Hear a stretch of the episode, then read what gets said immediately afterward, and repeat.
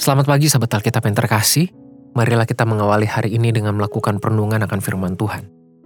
Bacaan Alkitab kita pada hari ini berasal dari kitab kisah para rasul pasalnya yang kedua, ayat 29 sampai 40. Saudara-saudara, aku boleh berkata-kata dengan terus terang kepadamu tentang Daud, bapa bangsa kita.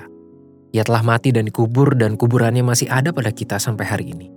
Tetapi ia adalah seorang nabi dan ia tahu bahwa Allah telah berjanji kepadanya dengan mengangkat sumpah bahwa ia akan mendudukkan seorang dari keturunan Daud sendiri di atas tahtanya. Karena itu ia telah melihat ke depan dan telah berbicara tentang kebangkitan Mesias ketika ia mengatakan bahwa dia tidak ditinggalkan di dalam dunia orang mati dan bahwa dagingnya tidak mengalami kebinasaan. Yesus inilah yang dibangkitkan Allah dan tentang hal itu kami semua adalah saksi. Dan sesudah ia ditinggikan oleh tangan kanan Allah dan menerima roh kudus yang dijanjikan itu, maka dicurahkannya apa yang kamu lihat dan dengar di sini.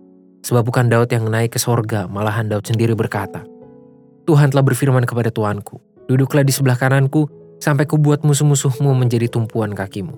Jadi, seluruh kaum Israel harus tahu dengan pasti bahwa Allah telah membuat Yesus yang kamu salibkan itu menjadi Tuhan dan Kristus. Ketika mereka mendengar hal itu, hati mereka sangat terharu, lalu mereka bertanya kepada Petrus dan rasul-rasul yang lain, Apakah yang harus kami perbuat saudara-saudara? Jawab Petrus kepada mereka, Bertobatlah dan hendaklah kamu masing-masing memberi dirimu dibaptis dalam nama Yesus Kristus untuk pengampunan dosamu. Maka kamu akan menerima karunia roh kudus. Sebab bagi kamulah janji itu dan bagi anak-anakmu dan bagi orang yang masih jauh, yaitu sebanyak yang akan dipanggil oleh Tuhan Allah kita. Dan dengan banyak perkataan lain lagi ia memberi suatu kesaksian yang sungguh-sungguh dan ia mengecam dan menasehati mereka, katanya, Berilah dirimu diselamatkan dari angkatan yang jahat ini. Cara Petrus merangkai dan menyampaikan khotbahnya tentang penggenapan nubuatan mesianik merupakan sesuatu yang sangat menarik. Apalagi jika kita mengingat latar belakang Petrus yang tadinya berprofesi sebagai seorang nelayan. Tanpa bermaksud merendahkan profesi seseorang, namun seorang nelayan, khususnya pada masa itu, merupakan kelompok kelas bawah yang tidak mengenyam pendidikan tinggi.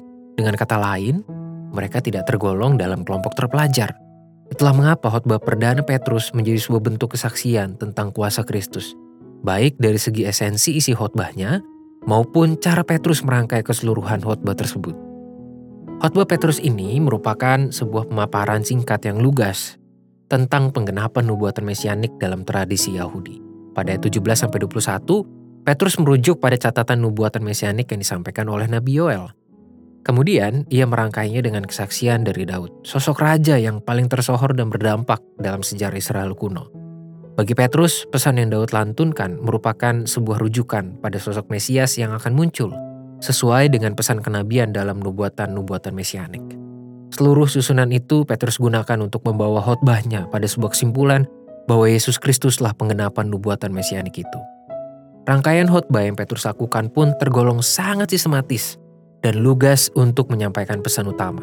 Hal ini tentu menjadi sesuatu yang biasa bagi mereka yang mengalami pendidikan tinggi, namun tidak bagi seorang nelayan seperti Petrus. Itulah mengapa khotbah Petrus menjadi sebuah kesaksian tentang kuasa Tuhan yang bekerja pada diri setiap orang yang diperkenan olehnya.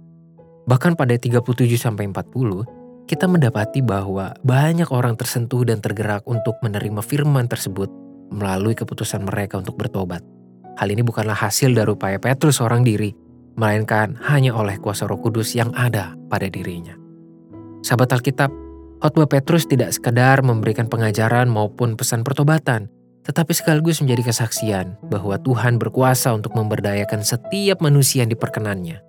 Ada banyak hal yang dapat dilakukan oleh setiap umat Tuhan, meski kadang hal tersebut terlihat terlalu mustahil menurut cara pandang manusia. Namun, inilah bukti kuasanya yang tak terbatas dan selalu memberdayakan. Kita hanya perlu membuka hati, pikiran, dan berserah penuh dalam pimpinan Roh Kudus. Marilah kita berdoa. Tuhan sebagai manusia yang penuh dengan kelemahan dan keterbatasan, tidak jarang entah sadar maupun tidak sadar, kami merendahkan entah orang lain maupun diri kami sendiri. Padahal kami lupa bahwa sebagai umat Tuhan kami hidup di dalam penguatan dan bimbingan Roh Kudus.